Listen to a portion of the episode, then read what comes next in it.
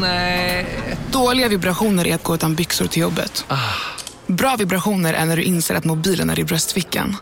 Alla abonnemang för 20 kronor i månaden i fyra månader. Vimla! Mobiloperatören med bra vibrationer. Ja, Hallå? Pizzeria Grandiosa?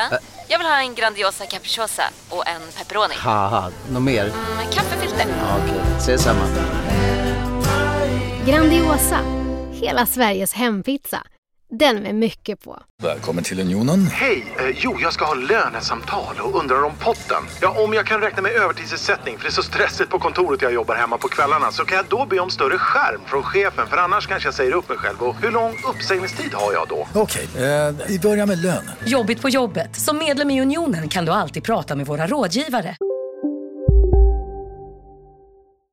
Hallå allihopa och välkomna till vår podcast som heter Kulturbarnen med mig Ida Tirén. Och med mig Pontus de Wolf. Och välkomna alla nya lyssnare som har dykt upp. Kanske, kanske dags att göra en liten kort presentation av oss Pontus, för jag har ganska många nya som lyssnar som kanske inte vet vem fasen vi är. Ja, det vore jättetrevligt. Det är kul att många liksom fångade tag i podden nu eh, när det, du hade gjort din supertrendspaning 2022. det känns ju som att man, eh, man vill vara där då. Man vill ju vara trendig. Ja, men det är fantastiskt.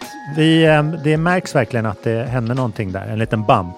Så lämpligt inför säsong två av Kulturbarnen tycker jag. Ja, men då börjar vi om från början nu då Pontus. Ah. Vem är du? Ja, eh, just det. Nu känns det som man, man får en sån här boll i knät. Men eh, Ska jag, ska jag ställa frågor? ja, Så här. gärna. Po- Pontus, Pontus Ja. vad gör du en vanlig dag? En vanlig vecka kanske man ska säga. En vanlig dag så åker jag ut till Skeppsholmen där jag har min studio. Först så gör jag frukost åt hela familjen som består av min eh, fru Elsa och min son Lynn som är fem år. Ehm, och sen så tar jag taxen till Skeppsholmen, åker båt över till min studio. Det lät som att jag åker taxi. Så flott är det inte. Nej, jag tar taxen. Våran tax, Nikita, långhårig tax. Så fin. ganska, ganska stor skillnad. Men eh, vi traskar ut det efter att ha lämnat på förskolan och eh, här sitter jag och gör musik, gör bokningar och podcasts och en massa grejer i en liten studio som jag hyr från ett ställe här.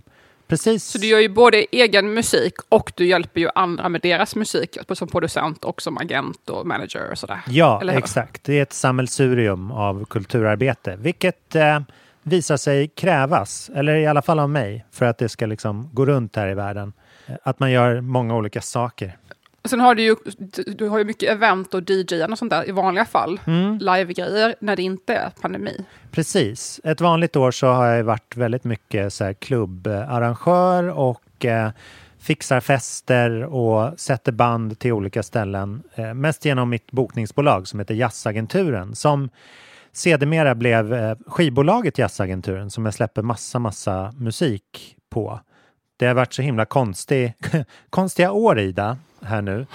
Ehm, så att det, man har fått hitta sätt att liksom omvandla sina grejer på och kunna vara i studio istället för ute på stan och härja. Just det. Men vad har du för planer nu för det här året som kommer? Du har ju lite nya grejer på gång vet jag. Ja, lyckligtvis så ska, eller lyckligtvis, men, men jag känner att min, min gamla liksom sång, sångskrivar, låtskrivar Pontus har liksom vaknat till liv igen. Ehm, Ah. Så nu känner jag mig inspirerad och redo att tackla den här nya världen med, med dess problem och sådär. Det var lite så här, mång, många i mitt skrå upplevde en slags så formuleringsproblematik när man så här, jaha, får vi inte göra någonting? Men hur uttrycker man det i sång? Så, här. så att, Mm. som jag brukar återkomma, för att det är så himla tråkigt ämne liksom. Ja, Det har varit en så här total pulssänkare. Och det är liksom, det. jag ska... För låtar, musik och liksom Mm. låtskrivande. Jag ska inte... Jag, jag kan bara hinta lite om ett ämne som jag kommer att ta upp idag. Att det, det har varit väldigt svårt att connecta med människor Mm. genom sin konst, kan man säga. När man inte får träffa dem. Ja, det är lite speciellt annorlunda att skriva låtar än, som för mig skriva texter, för jag träffar ju aldrig någon. Så för mig, Nej. jag, det skriver jag alltid ut i ett vakuum, jag är ju van vid det. Det finns ju aldrig Mm. någon som ens läser, eller, eller om, som, jag, hör nästan aldrig av någon, och jag gör det så det typ var tredje år eller någonting. Ja. Här, när boken släpps, eller jag har läst en artiklar nu i fem år Ja. och aldrig sagt någonting. Typ. Eh, Man bara, "Ah, okej. Mm. Nej, men alla började typ skriva om att så här, snart kommer det bli bra och normalt igen. Och det är liksom, Aha. vad är det, vad är det det för dött ämne? Det är liksom fruktansvärt. Ah, ja, sen går jag hem, så Mm. nog om mig. Vad, nu är jag nyfiken på dig Ida Thorén. Ja, jag, jag lever ju också i lite specialsammanhang eh, sammanhang just nu. Jag har bott utomlands i 13 år Mm. och just nu bor jag i Värnamo. Så det är ju väldigt stora kast här. Från, eh, senast bodde jag då i Los Angeles och innan dess New York och nu bor jag hos mina föräldrar i Värnamo. Och eh, det började då under pandemin. Mm. En bit in i pandemin så kom jag hit med min dotter och vi kände väl att det här var lite skönare. Och så har vi fastnat, eller stannat kvar här då för att hon trivdes så bra och sådär. Mm. Men jag kommer flytta till Stockholm till sommaren tror jag. Alltså som kan börja trean i Stockholm Ja, till ja. hösten. Men, ja, så, det, är- så det är jag och min dotter då. Eh, Jag har varit, ens, jag har varit singel jag var singel i fem år fram till ett år sedan. Då träffade jag min nuvarande kille Gabriel. Um, så det är jättekul. Mm. Är värt Spännande. att vänta på den rätte, som jag brukar säga. Oh ja. Eh, brukar, brukar pusha mycket här till alla människor. Jag bara, glöm inte, vänta på den rätta. V- Var i celibat Mm. om det behövs fram tills du kommer. Det funkade för mig, helt celibat. Sen så kom mitt livs kärlek. Mm. Då har man så hög ribba liksom. Ja. Eh, Så en, en vanlig dag, för just nu så framför allt lever jag på mitt eh, skriva böcker. Det är inte, inte böckerna i sig som finansierar någonting, utan det är mer allt omkring. Jag har fått en hel del stipendium, bland annat från författ- Författarfonden. Några olika, jag har fått lite andra stipendium. Eh, just nu har jag ganska låga omkostnader också då, på grund av mina omständigheter. Mm. Eh, och sen så gör jag frilansuppdrag när jag får dem. Jag har precis gjort, gjort ett frilansuppdrag som jag kanske inte kan nämna, men jag har skrivit korta noveller för någonting. Just, just. Eh, som mitt namn inte kommer stå på antagligen. Eh, och jag har också gjort en hel del, ehm, eh, jag, jag, jag har jobbat som frilansjournalist sedan 2010. Mm. Så att jag har ju, eller kulturjournalist framför allt, frilans inom kultur. Så jag gör ju liksom artiklar när, jag, när, det, när det kommer upp någonting fast folk ber mig och det känns kul. Men Mm. jag håller inte aktivt på att söka själv. Jag har skrivit bland annat eh, sedan 2000, jag vet inte, 17 har jag skrivit eh, bokrecensioner för Svenska Dagbladet. Mm. Eh, jag gör typ knappt det längre, mest för att jag inte orkar engagera mig. Jag tycker det är så lite pengar för ansträngningen. Mm. Och jag behöver inte mer eh, kulturstatus, känner jag. Behö- jag behöver pengar, inte Mm. kulturellt kapital. Ehm, så att jag är lite less på... Det, det, kom faktiskt upp ett, ett potentiellt väldigt prestigefullt eh, frilansuppdrag häromdagen och min kille blev skittaggad. Wow vad coolt, Ah. shit får du göra det här, det vore så fett.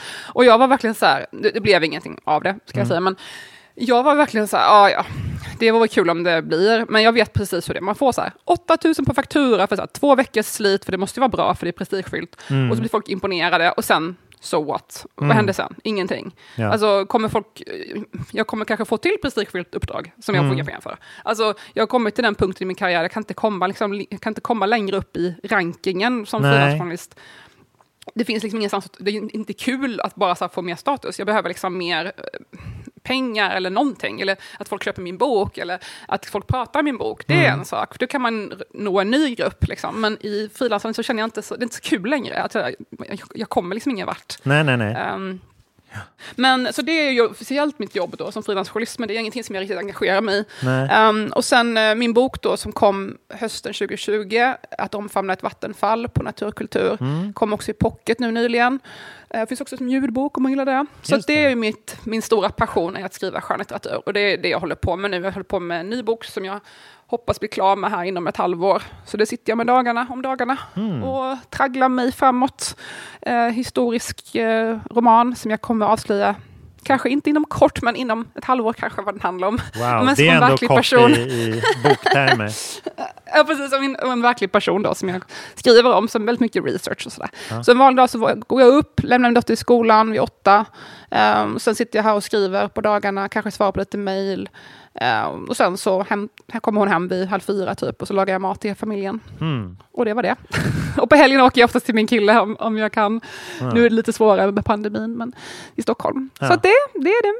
det är Fantastiskt. Det. Ja, ja. Och det är ju lite, sign- det är lite så här talande för vad den här podden brukar handla om. Att det är liksom vår, vår passion i centrum och sen så är det liksom våra satellitintressen eh, intressen och saker som drar in pengar kanske runt omkring. Och det är Mm. lite så det är att vara så här, kulturarbetare i Sverige. Att det är inte det är inte en riktning för särskilt många.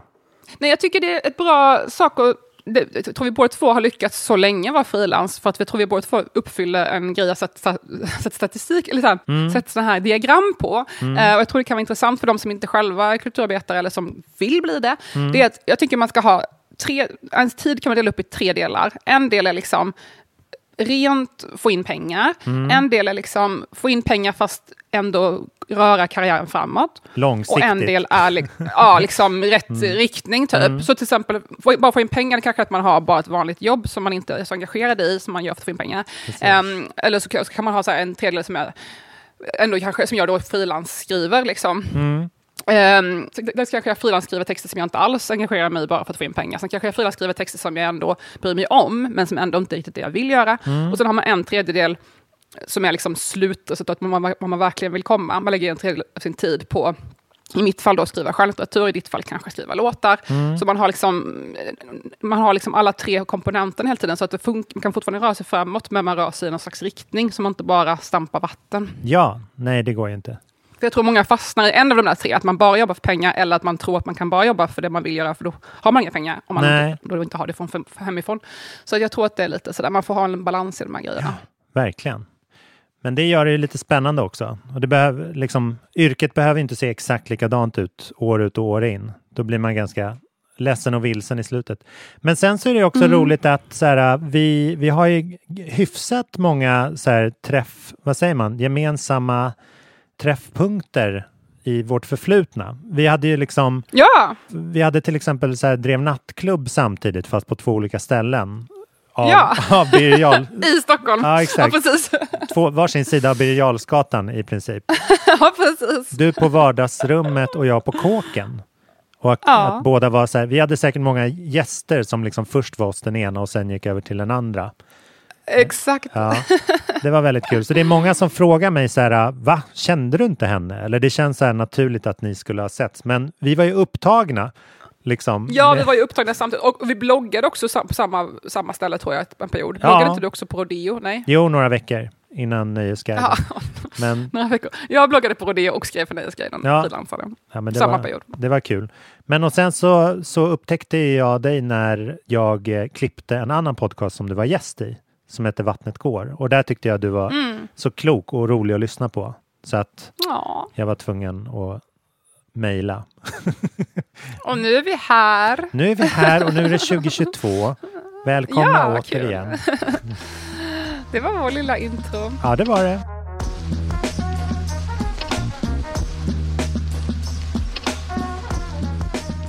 Vad har du haft för dig senaste veckan? Jag är så himla glad att vara tillbaka. Jag, varit i, jag var ju i Los Angeles i december. Ja, Och jag är så glad att vara tillbaka i Sverige. Jag tycker det känns så himla skönt och bara lugnt och mycket tid för eftertanke och integration. Och så här, början av året. Mm. Jag har läst väldigt mycket. Eh, Jag har läst två böcker som jag vill tipsa om. Mm. som jag tyckte var fantastiskt bra. Eh, den ena heter, jag läste den på engelska, jag köpte den på flygplatsen faktiskt i USA och jag har fått i alla fall den ena av dem rekommenderad sedan tidigare så jag tänkte läsa den. Men, eh, den ena boken heter The Seven Husbands of Evelyn Hugo av Taylor Jenkins Reid. Den finns också på svenska. Det var kul för när jag kom hem från USA och var så taggad på, gud vad bra den här, eller från resan, gud vad bra den här boken var, mamma du måste läsa den. Mamma bara, jaha men jag står i kö på biblioteket, jag ska få den imorgon. Aha. Så vi läste den, så här, den kom 2017, så här, men hon, den tydligen finns på svenska också. Mm. Eh, Då heter den De sju äkta männen. Evelyn Hugos sju äkta män. Mm. Eh, Så den tycker jag var superbra. Den handlar om, det är liksom en påhittad Fast det är väldigt likt hur det kan ha varit i verkligheten. En, på, en, en känd filmstjärna i Hollywood och hennes liv med hennes olika relationer och sådär. Mm. Ehm, och den är så otroligt bra skriven. Eh, Taylor Jenkins Reid har skrivit andra böcker också. En bok som handlar om eh, Fleetwood Mac, fast inte uttalat, men den är liksom också så en historisk bok, fast Ah, den ja. är om Fleetwood Mac, men inte uttalat. Så den tänkte jag läsa nu härnäst. Och det var kul för att när, jag, när min bok skulle översättas till engelska, och fortfarande inte sålts till utlandet, Mm. det var lite dålig timing där med pandemin och allting, ehm, så eh, fick jag bland annat en sån här liten utlåtande från Saskia eh, Fågel som är svensk översättare och även författare, Mm. eh, amerikansk författare. Och hon skrev ett långt kärleksbrev och älskade min bok jättemycket och bla bla bla och vad bra den är och den påminner väldigt mycket om Taylor Jenkins Reid, den här boken om Fleetwood Mac. Mm. Så att hon, fick, så hon drog den parallellen redan då. Så det är först nu jag faktiskt har läst den här boken. Så att, och jag känner ju verkligen igen vad hon menar, att vi har liknande stil på olika sätt. Så att gillar man min bok så kanske man kommer gilla den här boken. Eh, den är väldigt lättläst, otroligt bra dialog. Eh, och så här, skriver om historia lite grann, eller leker med historien. Mm. Vilket också är vad jag gör då i min bok. Mm. Så jag tyckte det var otroligt bra. Och jag har ju som specialintresse kvinnor i historien. Dessa kvinnliga historiska öden. Just det. Eh, Det är mitt största intresse sedan typ 15 år tillbaka. Så jag har läst alla böcker jag hittar. Så det här passar ju in i mitt. Ehm, och även den andra boken jag har läst, som jag också köpte på flygplatsen, passar också in i den här. ehm, min lilla specialintresse. Och den heter The Only Woman in the Room av Marie Benedict. Och det här är, finns inte på svenska så vitt jag vet. Det handlar om en känd Hollywoodskådis som heter Heidi Lamar, eller Mm. Hedi Lamar. Och man får veta hela hennes livshistoria fast i romanform då. Mm. Eh, och eh, hon var gift med en man i Österrike som var Österrikes rikaste man och var djupt insyltad i med Hitler och sådär. Så hon fick reda på massa grejer, inside info, men hon var judisk själv och flydde till Hollywood och blev skådis där. Så att man får följa hennes livshistoria som är helt fantastisk. Hon var också uppfinnare och åh, jag Oj. älskar verkligen boken. Shit vad Så spännande. jag, ja, så jag kan verkligen, jag kan låna den till dig eh, Pontus. Och jag tyckte det var fantastiskt bra. Så gillar man som jag kvinnohistoria så kolla upp den här, The Only Woman in the Room. Jag tror det ska bli en film också. Ah. Eh, och nu ska, nu ska jag läsa eh, Lauren Groff, amerikansk författare också, en bok som heter Matrix som handlar om en kvinna på 1100-talet. Och den har fått jättefina recensioner och finns på svenska. Och jag Mm. läste hennes förra bok, Lauren Groff, som heter Fates and Furies, som var en av mina favoritböcker när den kom 2017, tror jag det var. Jag läste den när jag bodde i New York och den var jättehypad där. Alla pratade om den. Och nu ska den komma på svenska i höst, hörde jag från förlaget. Så att ehm, kolla upp Lauren Groff, Fasen vad härligt. Bookmark förlag. Mm. Ja. Så det var det. Det var Ja. min lilla rapport från bokvärlden. Härligt. Jag ligger lite mellan böcker, eller det gör man ju aldrig, för man, man har ju böcker hemma. Men jag har precis läst ut en bok, ehm, den här 12 Bites då, Jeanette eh, Winterson, som du ska få låna av mig.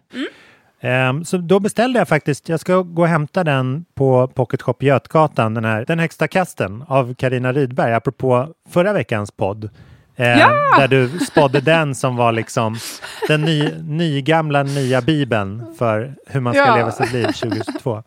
Det vore ganska härligt. eh, Kan inte alla som lyssnar gå och beställa den på Pocket Shop och liksom lägga upp era bästa bilder när ni sitter och läser den? Så skulle vi kunna liksom starta en Ja! Jättemärklig trend. Jag tror hon skulle bli ganska paff. Alltså bara för att få, få hennes reaktion på det så tycker jag det vore kul. Men, men Pontus, jag tror faktiskt att den var så här årets bok, typ förra året på biblioteket. Alltså Stadsbiblioteket i Stockholm har så här, årets Stockholms skildring typ varje år. Jag tror att de hade högsta kasten 2021, bara att det blev lite så här bortglömt för det var pandemin. Just det, 2020 Just det. utsågs den till Stockholm läsarbok. Ah, just det. Mm. Så den har varit lite i ropet, men det var väl lite så här, pandemin kom där och liksom, det var kanske inte så att folk hade koll riktigt på vad som hände. Stor miss av Stockholms stad tycker jag. Det är nu man ska läsa den när man kan börja leva efter den.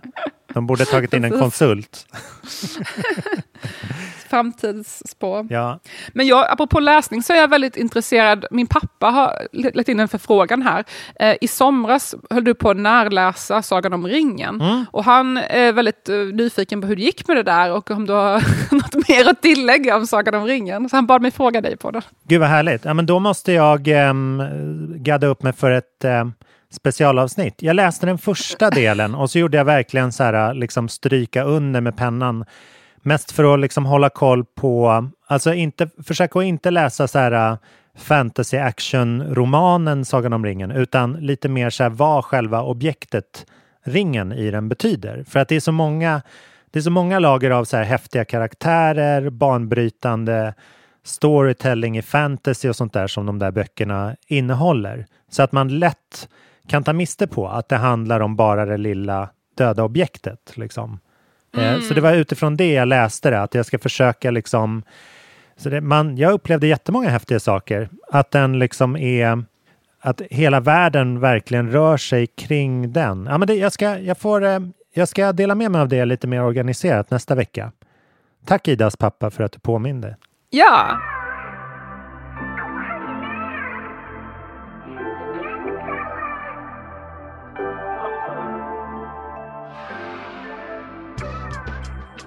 Vad har, men vad har du haft för dig nu då? Jag har framförallt tagit, eh, tagit tag i mitt filmtittande och sett på två eh, filmer under lovet här nu. Det, dels såg jag den här Don't Look Up som var väldigt spännande. Eh, Netflix-fenomenet som slog ner, pun intended, för några dagar sedan.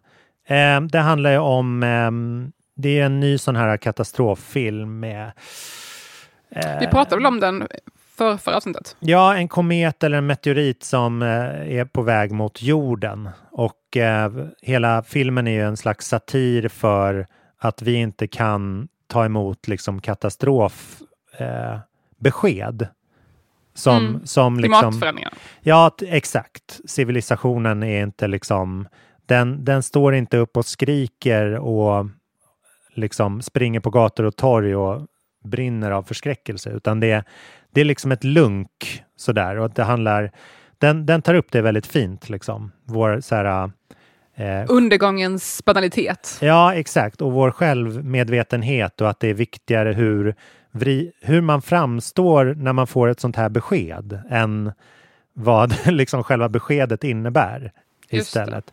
Um, och det, det är väldigt mycket debatt om det. Men det, jag tycker att den var intressant och intressant att se den. Jag är så gammal att jag minns liksom den här förra generationens kometfilmer Armageddon och Aha, eh, Independence Day. Ja, precis. Att de så här, där var det ju verkligen att så här, alla förenades på en gång. Först var det USA. Hela USA förenades, för det var de som hade astronauter.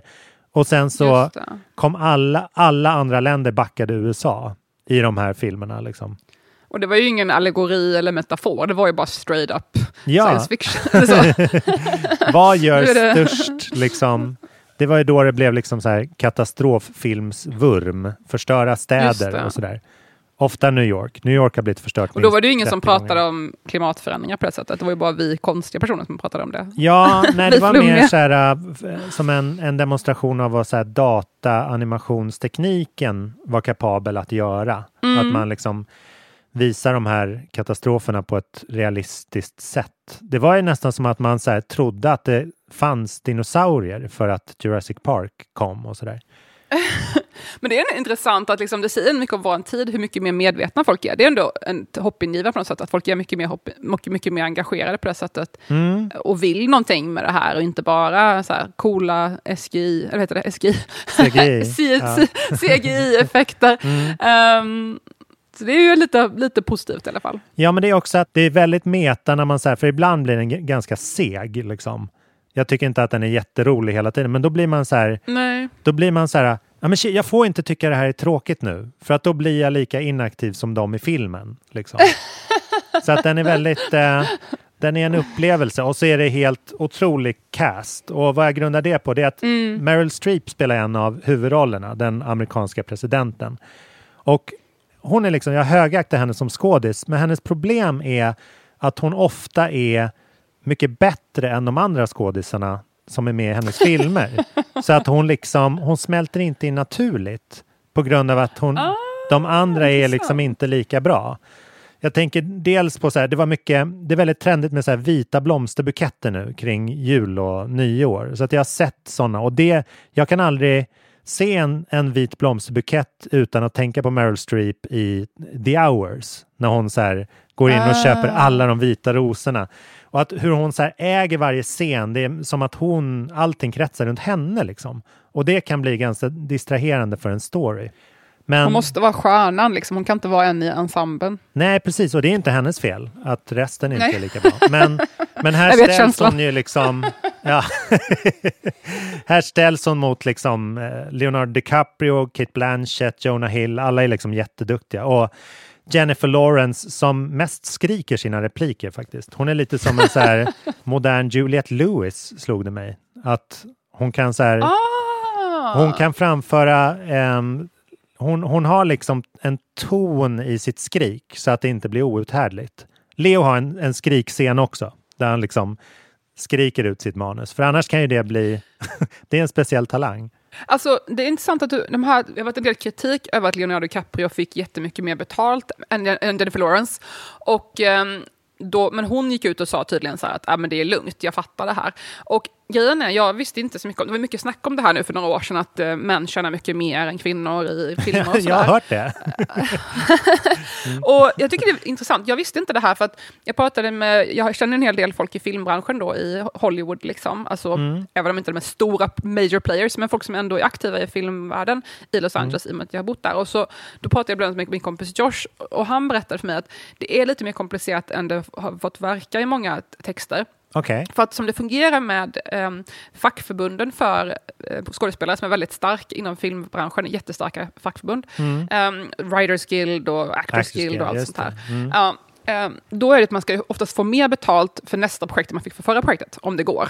Om det är ett större projekt. Liksom. Mm. Och om du tänker dig då att en skådespelare har hållit på väldigt länge, så kommer den få mer och mer och mer och mer för att den ska få mer än förra mm. gången. Eh, så, och om man tänker då, det här är min slutsats, men tänk dig att män ofta har en längre karriär än kvinnor, förutom då typ Meryl Streep. Men typ Leonardo DiCaprio, han har varit en superstjärna sen, mm. jag vet inte, 25 år kanske? Ja, ja. 20 år tillbaka. Ja. Um, så han har väl hunnit jobba upp då sin sin rate ganska ja. länge. Alltså huvudroller liksom i kanske flera filmer om året i 20 år. Um, Jennifer Lawrence är ju också väldigt stor stjärna, men hon är ju betydligt yngre och har mm. hållit på kortare tid. Så det är ju inte jättekonstigt att hon får mindre betalt.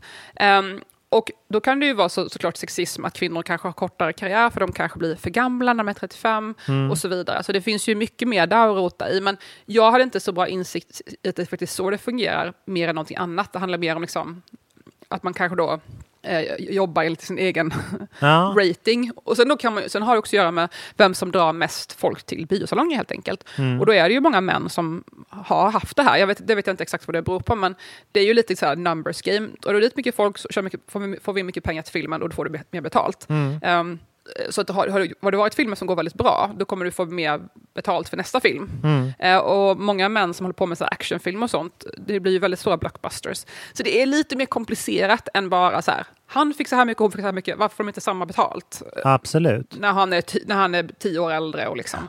Sådär. Så jag ville bara flika in den, jag tyckte det var intressant lite nyansering av den här debatten. Ja. Så jag säger inte att det är rätt eller fel, men bara så här, det är lite mer komplicerat än bara kön. De försöker ju alltid få in en fot som producenter också. För att det är ju en liksom, då kan man ju liksom sätta sin egen lön. Det är ganska trevligt. Eller liksom sant. att man är med mm. i hela uppbyggnadsarbetet och liksom äger en procent och sånt där. Alltså det, det, ser man ju mm. nu i Just Like That, den här nya Sex and the City. Mm. Där såg jag senaste avsnittet att det hade Cynthia Nixon, alltså Miranda, eh, regisserat. Just det. Ja. Och eh, Carrie Bradshaw, alltså Sarah Jessica Parker är ju producent och sådär. Så de är själva producenter för serien. Så de är själva väldigt ansvariga för serien. Mm, absolut. Det, jag, jag gillar ju verkligen den serien. Det har ju framgått av podden här bland annat. Min, min fru har gjort misstaget att börja kolla på Sex and the City parallellt. Då, Det, det är tydligen den stora tabben, för då blir ju inte en Just Like That lika bra längre. Okay. När man liksom jämför det med det gamla. Men det, vi, jag kollade lite en snutt så här, och förutom att så här, de liksom obvious grejerna att så här, Samantha är med eller liksom man är nostalgisk så är det det här som vi pratade om förra veckan som jag verkligen har tagit fasta på att storstan inte är sexig längre. Det, ah. det blir ju verkligen eh, liksom närvarande när man kollar på gamla och nya Sex and the City. Just det. För att den, i den nya i Just Like That så har ju inte storstaden en roll egentligen. Nej. Det är liksom... Nej, det, det är bara en kuliss. Ja, det är en kuliss och att det är liksom... Det, det är mycket, det är nästan endast liksom karaktärerna det kretsar kring, liksom, såklart. Men den, den första serien hette ju trots allt Sex and the City. Så att det var liksom... Det är ju en roll Ja, det är exakt. ju lika viktigt som personerna. Ja, staden. och den har ju liksom, New York har ju fått spela den rollen otaliga gånger. Liksom. Mm. Um. Hej, Synoptik här. Visste du att solens UV-strålar kan vara skadliga och åldra dina ögon i förtid? Kom in till oss så hjälper vi dig att hitta rätt solglasögon som skyddar dina ögon. Välkommen till Synoptik. Just nu till alla hemmafixare som gillar julast låga priser. En slangvinda från Gardena på 20 meter för vattentäta 499 kronor. Inget kan stoppa dig nu. Upptäck hyllade XPeng G9 och P7 hos Bilia. Våra produktspecialister hjälper dig att hitta rätt modell för just dig. Boka din provkörning på bilia.se xpeng redan idag. Välkommen till Bilia, din specialist på XPeng. Men jag tänkte väldigt mycket på det här för att jag ska nämligen på en liten inspirations slash skrivarresa snart till staden London. Eh, det ska bli väldigt härligt. För er som inte vet så är jag är halvbritt. Min pappa var engelsman så att jag har varit där hyfsat frekvent när jag var liksom mindre. Och, eh, och sen så har jag inte varit det på senare år. Eh, och så var, för varje gång som jag kommer dit så känner jag liksom lite mindre den här, så här airen, eller vad man ska säga, av mm -hmm. den stan. Um, och det, jag tycker det är väldigt intressant för att det, jag känner liksom lite, lite mer så för ganska många städer, däribland Stockholm. Och jag har funderat under veckan nu, sen vi pratade om det här, vad det beror på. För att vi, vi, eh, vi tog ju av hypen från storstan lite grann. Det här att man inte... vi klädde av mystiken. det var ohett enligt Kulturbarnen 2022 att åka till stora städer. Men jag, jag har verkligen blivit medveten sen de här restriktionerna satt igång igen nu och jag liksom har fått ladda om och så här, okej, okay, hur gör vi det här fast på internet nu liksom? Hur gör vi det mm. fast eh, i karantäner? Alltså det är små karantäner, att man så här, studion är mm. ju som en liten livescen liksom, där man kan så här spraya ut musik i, ja, på online och så där. Och jag, mm. jag har verkligen tänkt på att så här, Stockholm har varit otroligt snabbt på att sadla om till så här streamad, streamade konserter, eh, mycket snabbare liksom produktion och att allting är så här, ska liksom kablas ut på ett sätt. Och att mm. här, här ligger ju även de här liksom Youtube-talangkontoren, eh, United Stream heter de väl, eller så här, alltså de mm -hmm. som har så Youtube-talanger och TikTok och alla de liksom webbunderhållningsbaserade mm. företagen ligger ju i Stockholm. Mm. Och då är verkligen... Och Spotify.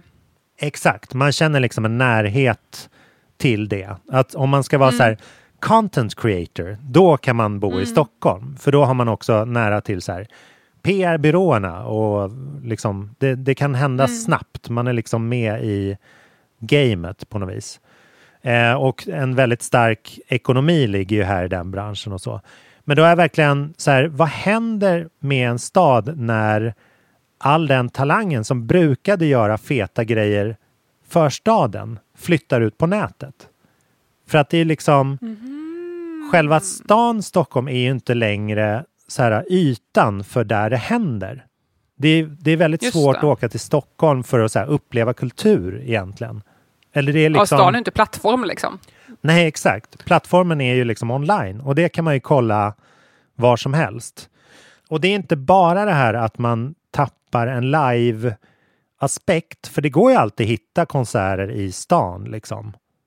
Att, att gå på, om man nu tvunget ska gå på någonting eller en teaterscen eller sådär. Men de människorna som var bra på att göra grejer på scenerna, de har flyttat över till nätet. Och man har ju liksom en, ett begränsat antal timmar om dygnet som man kan producera mm. på.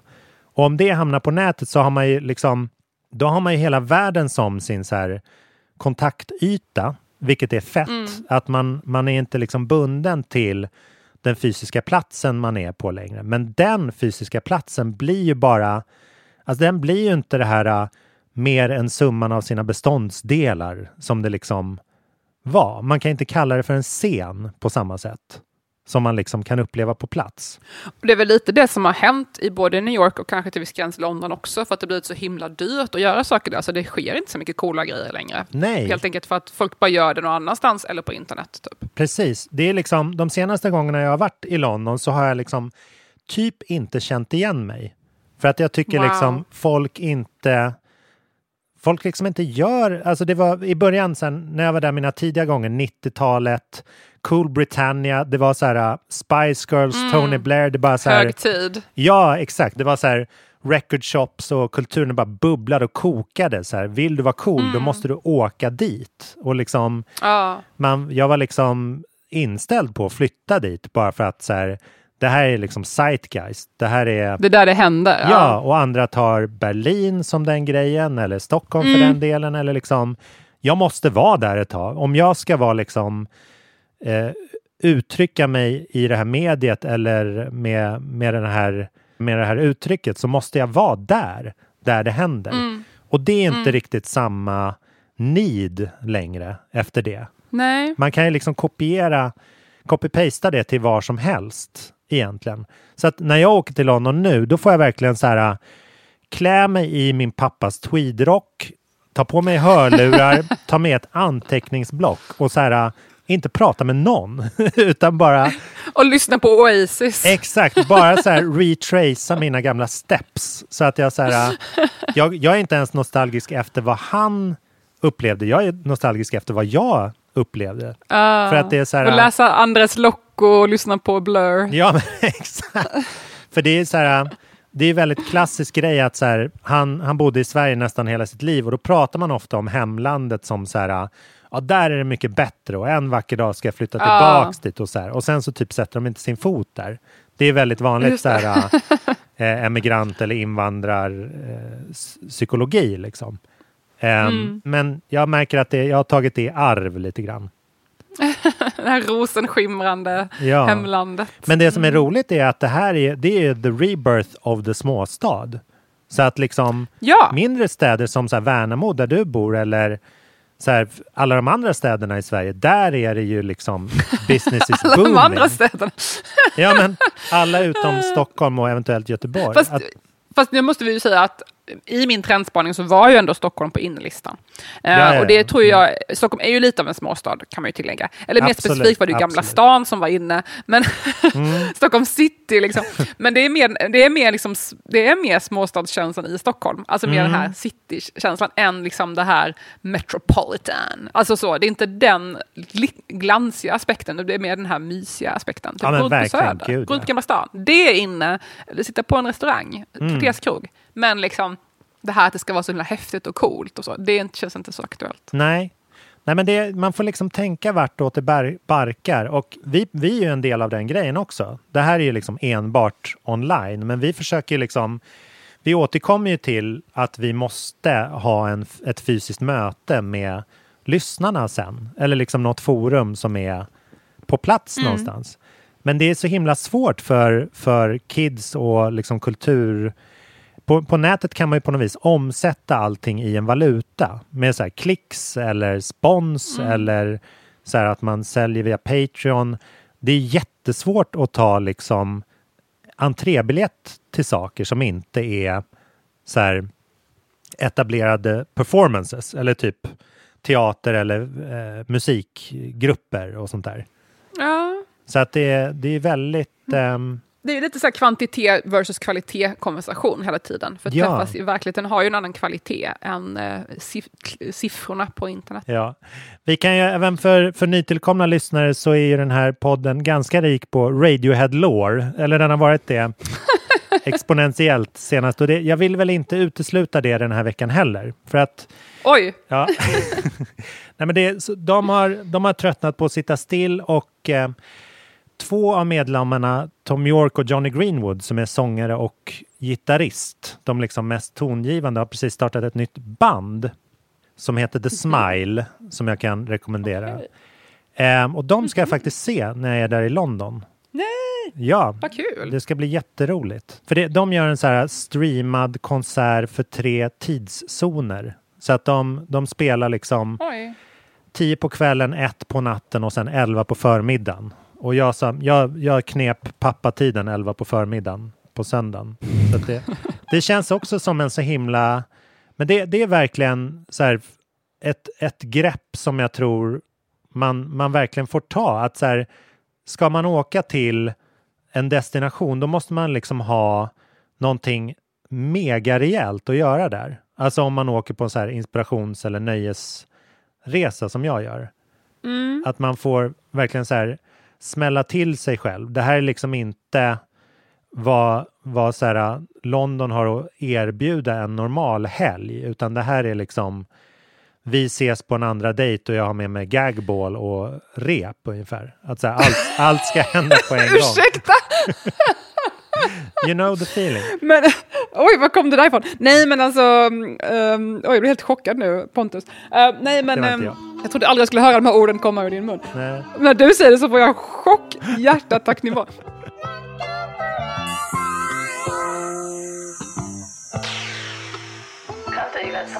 Men alltså, det här du pratar om nu leder faktiskt in mig på någonting jag tänkt mycket på den här veckan. Ja, vad roligt. Eh, vilket är ämnet av image.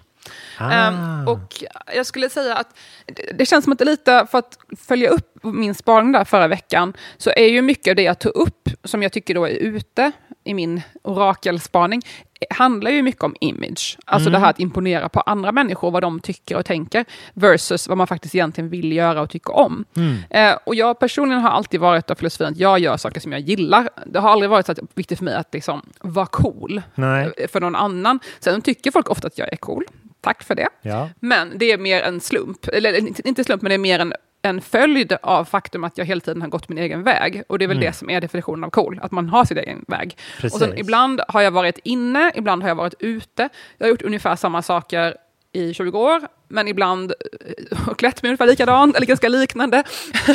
så att ibland är jag trendig, ibland är jag inte trendig. Ehm, det är lite, jag tror samma för dig också, att vi bara kör vår grej. Och sen så ibland har man tur och råkar vara, det råkar vara trendigt. I, I år tror jag att jag kommer vara väldigt trendig faktiskt. Mm. Med tanke på min Carolina Rydberg-spaning, om den stämmer så kommer jag ju vara så inne. Ja, Eh, men jag kanske that, inte varit så inne sist- sena, ja, men senaste åren kanske jag inte har varit särskilt inne, för det har varit mycket så här botox och blekta tänder och det har jag Mm. inte något av det. Så. Eh, jag ser lite sliten ut och har lite gula tänder. ja, jag har inte levt upp till det här eh, fixade idealet, men nu tror jag på ett lite mer genuint ideal som passar mig bättre. Så har jag tur kanske jag blir trendig nu då. Men, Så humble Alltså, brag. bara- liksom. Double humble. Ja, precis. Jag sitter och skryter om mina rynkor, men okej.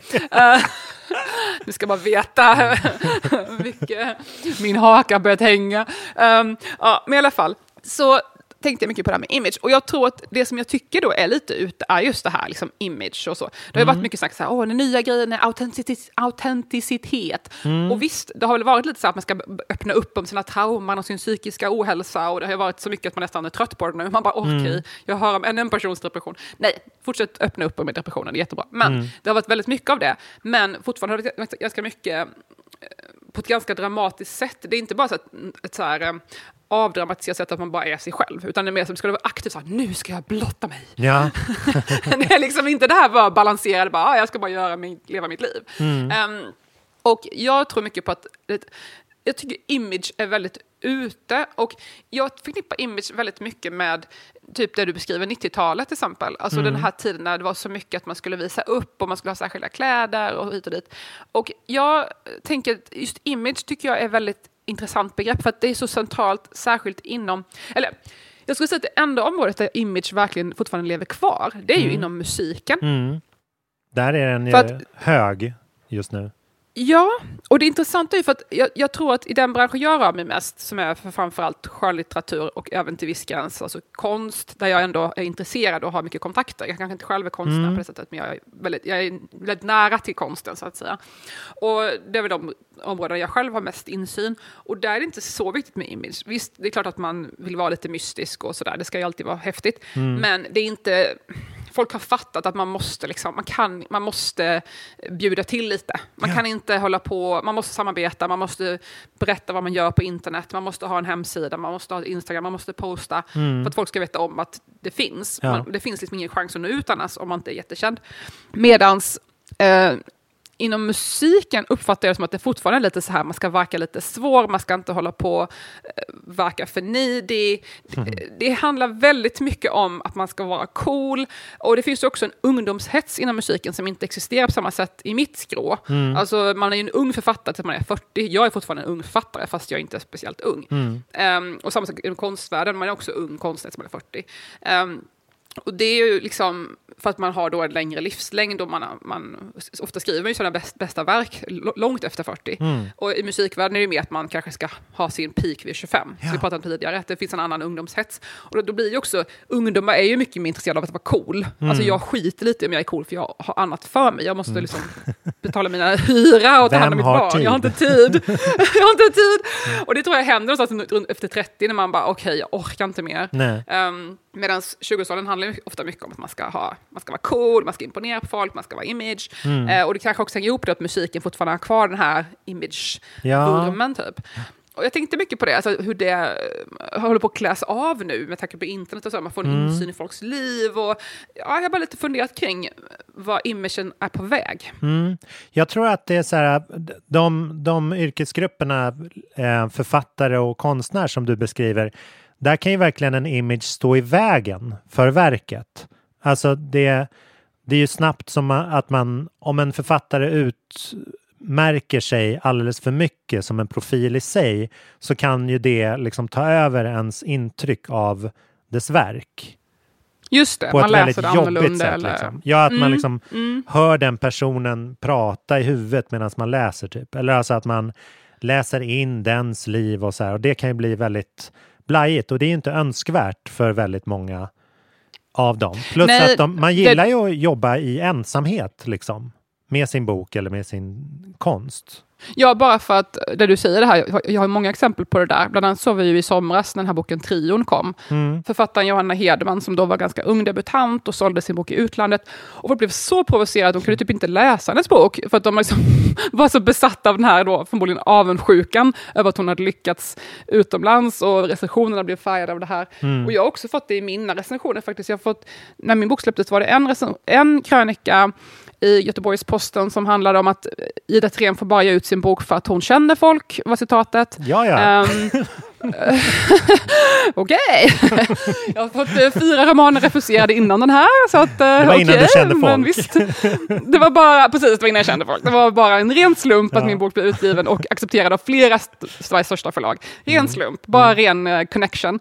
Um, och eh, sen skrev eh, en annan recension, handlar också om att så här, ah, jag känner till Idas, eh, vem hon är, för han hade följt mig på sociala medier, så då kunde han inte läsa boken ordentligt och tyckte att eh, recensionen var typ att boken var sämre, för att han mm. kände till mig sen tidigare. Ja. Um, så att ja, jag kan förstå det här tänkandet. Det var ju inte särskilt önskvärt. Du får ju nu vilja sätta sin profil på privat, bara för att slippa de här människornas, eh, vad det nu handlar om, eh, illasynta syn på en. Mm. Som verkar handla om något annat än självaste verket. Ja.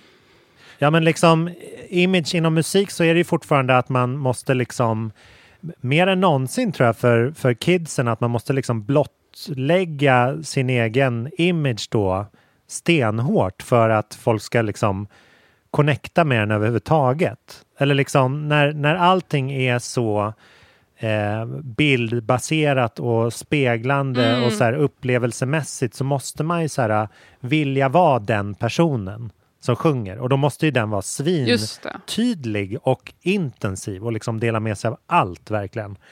Um, såg... Det är ett paket man köper, inte bara en låt, utan man vill, liksom ha, man vill vara den här personen. Eller ja, ha precis. Den här personen på något sätt. Jag kan rekommendera mm. en, en uh, dokumentär som kom på HBO nu i december om Juice World. Eh, en av de första mm. och största så här, Soundcloud-rapparna. Sådana som gör saker mm. från ingenting, tatuerar ansikte och eh, har regnbågsfärgat hår. Apropå image. Han hade, hans största hit var Lucid Dreams och han, ja, man, man känner igen honom när man ser honom. Men tyvärr så gick han ju bort 2019 ah, i en överdos eh, med ja, alltså, tabletter som jag inte kände igen namnet på, men som är heta i USA. Men, mm. men där han eh, verkligen... Var det typ oxyto oxytocin? Just det, just det. Ja. Oxycontin, vad heter det? Ja. Mm. Nej men att det blir liksom depressionen och delandet av det blir liksom en image i sig. Som att det är någonting som han behöver så un, en, en bild han behöver under han behöver nära hela tiden så att det blir bara liksom hela hans grej. Ja, den var jättespännande. Men det är, mm, det är många som är liksom väldigt så här ultraprofilerade just nu. Med att så här, de liksom skriker, jag är så mycket så här att jag inte... Det får verkligen inte missförstås Mm. vilka, vilka de är. Och vad de står för, Ja. och liksom, vad de utstrålar. Mm. vilka värderingar de har. Alltså, jag, jag har precis lyssnat på en uh, jätteintressant podcastserie som jag vill rekommendera också till alla lyssnare. Jag tror att väldigt många som lyssnar på den här podden kommer älska den här. Berätta. Eh, den är på engelska. Eh, den, het, den är en podcast dokumentär kan man säga, eller journalistik gjord i, jag, tror, jag vet inte hur många, jag, jag är inte klar än, men jag tror det är tolv delar. Eh, och det är andra säsongen av den här serien som heter Once upon a time at Bennington College. Och förra serien handlade om en annan grej då, så det här är då är det Once upon a time at något någon annanstans. Ehm, och Bennington College är alltså skolan där um, Brett Easton Ellis gick på, som beskrivs i hans bok uh, Less than zero bland annat. Ah. Och som, om man har sett filmerna baserade på hans bok så känner man också igen den här miljön. Ehm, och det är också samma skola och samtidigt som förfa- författaren Donna Tartt gick där, uh, jättekänd författare och även en li- lite mindre känd i Sverige men känd i USA författare som heter eh, Jonathan Lethem, Ah. som är jättestor i USA också, men inte så mycket i Sverige. Men, eh, så de gick där samtidigt och Donna Tartt och Bret Easton Ellis gick till och med på en dejt med varandra. Eh, Så att vi har liksom två av de mest, kanske största amerikanska författarna i den generationen som då gick på samma skola och umgicks när de var typ 20. Ah. Ehm, och den här serien tra- tracear den här skolan som är typ en jätteflummig skola mitt ute i Vermont, mitt i ingenstans. Där det Mm. samlas ett gäng så här, hälften är jättefattiga och kommer från fattiga familjer, eller inte rika familjer, och hälften kommer från de rikaste familjerna i USA med så här Nestlé, alltså alla de här rikaste familjerna. Mm. Uh, Bret Easton Ellis kommer från en väldigt rik familj. Donna Tartt, som visar sig kommer från en väldigt inte rik familj. Um, och de här människorna samlas på den här väldigt liberala, alltså öppensinnade skolan. Ja. Och som är väldigt flummig och sådär. Och man får följa hela den här eh, skolan då och alla saker som sker där eh, i den här eh, journalistiska utforskandet av journalisten Anolik eh, som skriver bland annat för Vanity Fair, Esquire och sådär. Och jag är lite bekant med henne. Eh, hon skrev en bok som handlar om Eve Babbitt som jag pratat om tidigare i podden. Amerikanska författaren som dog nyligen. Mm. Eh, också så Los Angeles-författare, legendarisk. Eh, Hon skrev en biografi om henne som var otroligt bra. Eh, Och jag var i kontakt med henne under tiden hon skrev biografin, för att min bok handlar om lite liknande saker, fast en annan tid. Så jag kom i kontakt med henne under, under min research och vi sågs även på hennes releasefest för biografin. Mm. Ja, den är så otroligt bra. Eh, så vi är lite bekanta sedan dess och hon har skrivit också en liten sån här brev om min bok som jag nämnde tidigare. Hon skrev också ett sånt litet brev till förläggarna om min bok och sådär. Ja. Ehm, alltså till engelska. Så att vi är lite bekanta. Men den är otroligt bra den här serien och den finns på typ ja, Spotify, iTunes, wherever. Ehm, alltså Once upon a time at Bennington College. Så gillar man Bret Easton Ellis, Donna Tartt, hela den där tiden Mm. så är det bara, jag tror du skulle tycka om det. Gud vad spännande. Det ska jag Och då, verkligen då, just det. Och då, tänkte jag också mycket på det här med image. För att Donna Tartt är ju sån författare som är helt anonym. Alltså hon, man vet ingenting om henne, hon är jätteförtegad om sin historia, hon gör typ aldrig några intervjuer. Mm. Hon är ju jättekänd författare. Eh, men folk vet typ ingenting om henne och det är en del av hennes mystik och en del av hennes... Folk vill ha mer för att de inte vet någonting. Det Ja. blir som en mystik. Och det funkade ju förr. För då Mm. var det ju alltid så PR-maskiner. Alltså det var förlagen och skivbolagen kunde göra de här stora kampanjerna och det var mycket mer toppstyrt som vi vet att skrev, skrev man om det i tidningen så läste folk det. Mm. Ehm, nu är vi ju helt annorlunda. Det är ju inte toppstyrt längre på sättet. Utan allting är ju nu sociala medier och alla har det så utspritt var man får sin information. Och visst, man kan få en jättestor artikel i Dagens Nyheter, men det kanske inte folk läser ändå. Eh, Nej. Alltså, det är ju väldigt utspritt var folk får sin information.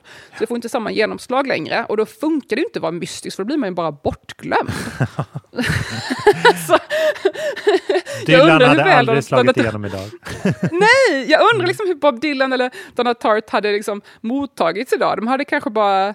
Alltså en författare som har lyckats med det här lite grann är ju Otessa Morsfegh, som jag intervjuade för Svenska Dagbladet för två år sedan Mhm. i Los Angeles. Hon bor där.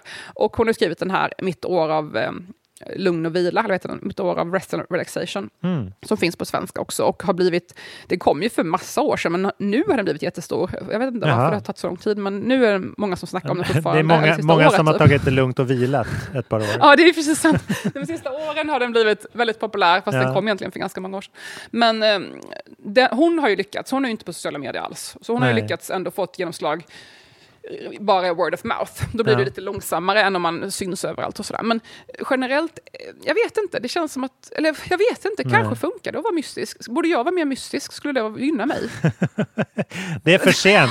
Nu, det går för bra för den här Radera hela podden. Ja. ja.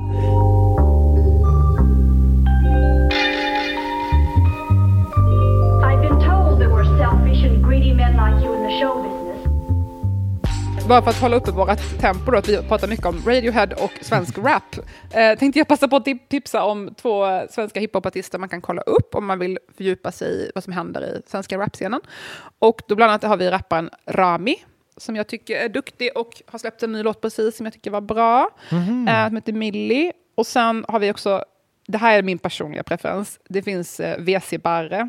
Jag hoppas jag uttalade rätt. Det är, det är inte för alla. Mhm. Jag tycker de är jätteduktiga. Mm. Ehm, de har ändå så här 700 000 lyssnare i månaden på Spotify och deras mest spelade låt Topp och Valsta ehm, har ändå så här 15 miljoner streams. Så de är Snyggt. ju stora, kanske Ja. lite utanför mainstream. Eh, Valsta-låten blev väldigt populär tack vare att det är så att 20 sekunder på den låten eh, var väldigt populär på TikTok som ett sound. För det Ah, var ja. bara så här, Valsta, Valsta. Och så är det liksom, de har Valsta. eh. Och det syftar då på Valsta centrum i Märsta. Så det är liksom det centrumet där de hänger. De är ungdomar som, rappar. De står där och hänger.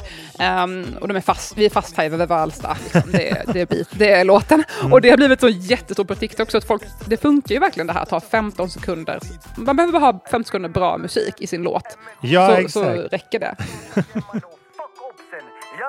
Jag är fastare veppen Falsta YS vi kalla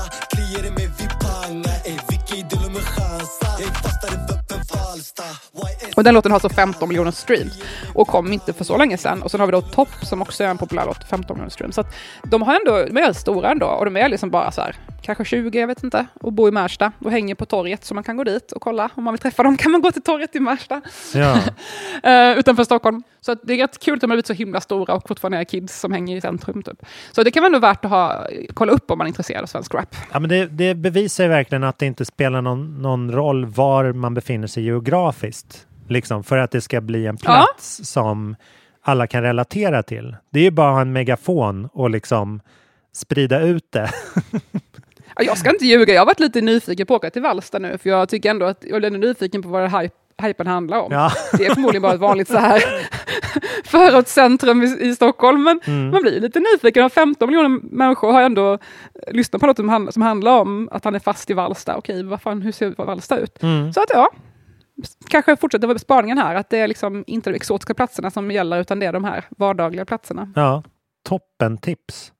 Då tackar vi så mycket för idag, att ni har lyssnat. Och som klart som vanligt, vi blir så glada när ni tipsar en kompis om att ni gillar podden. Det betyder jättemycket för oss. Det är så vi når ut helt enkelt. Ja, och tipsa gärna oss om saker som ni gör också och gillar Ja. och diggar och vill lyfta. För att det, Ja. vi är ju ständigt nyfikna. Det är så roligt och när man, när man kommer till den här delen av veckan och vet att man får ringa och prata med dig och höra om nya saker. Så verkligen sporrande. Ehm, Mm. Ta hand om dig och eh, lycka till med skriveriet så, så Tack. hörs vi av snart. Vi hörs nästa vecka. Hej då allihopa. Tack för att ni lyssnar. Hej då! Hej då!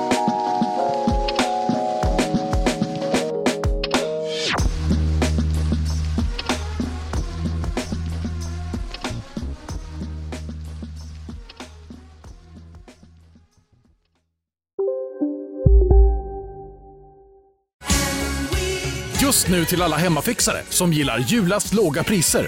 En slangvinda från Gardena på 20 meter för vattentäta 499 kronor. Inget kan stoppa dig nu. Känner du igen en riktigt smart deal när du hör den? Fyra säckar plantjord för 100 kronor. Byggmax. Var smart. Handla billigt. En nyhet. Nu kan du teckna livförsäkring hos Trygg-Hansa. Den ger dina nära ersättning som kan användas på det sätt som hjälper bäst. En försäkring för dig och till de som älskar dig. Läs mer och teckna på trygghansa.se. Trygg Hansa. Trygghet för livet.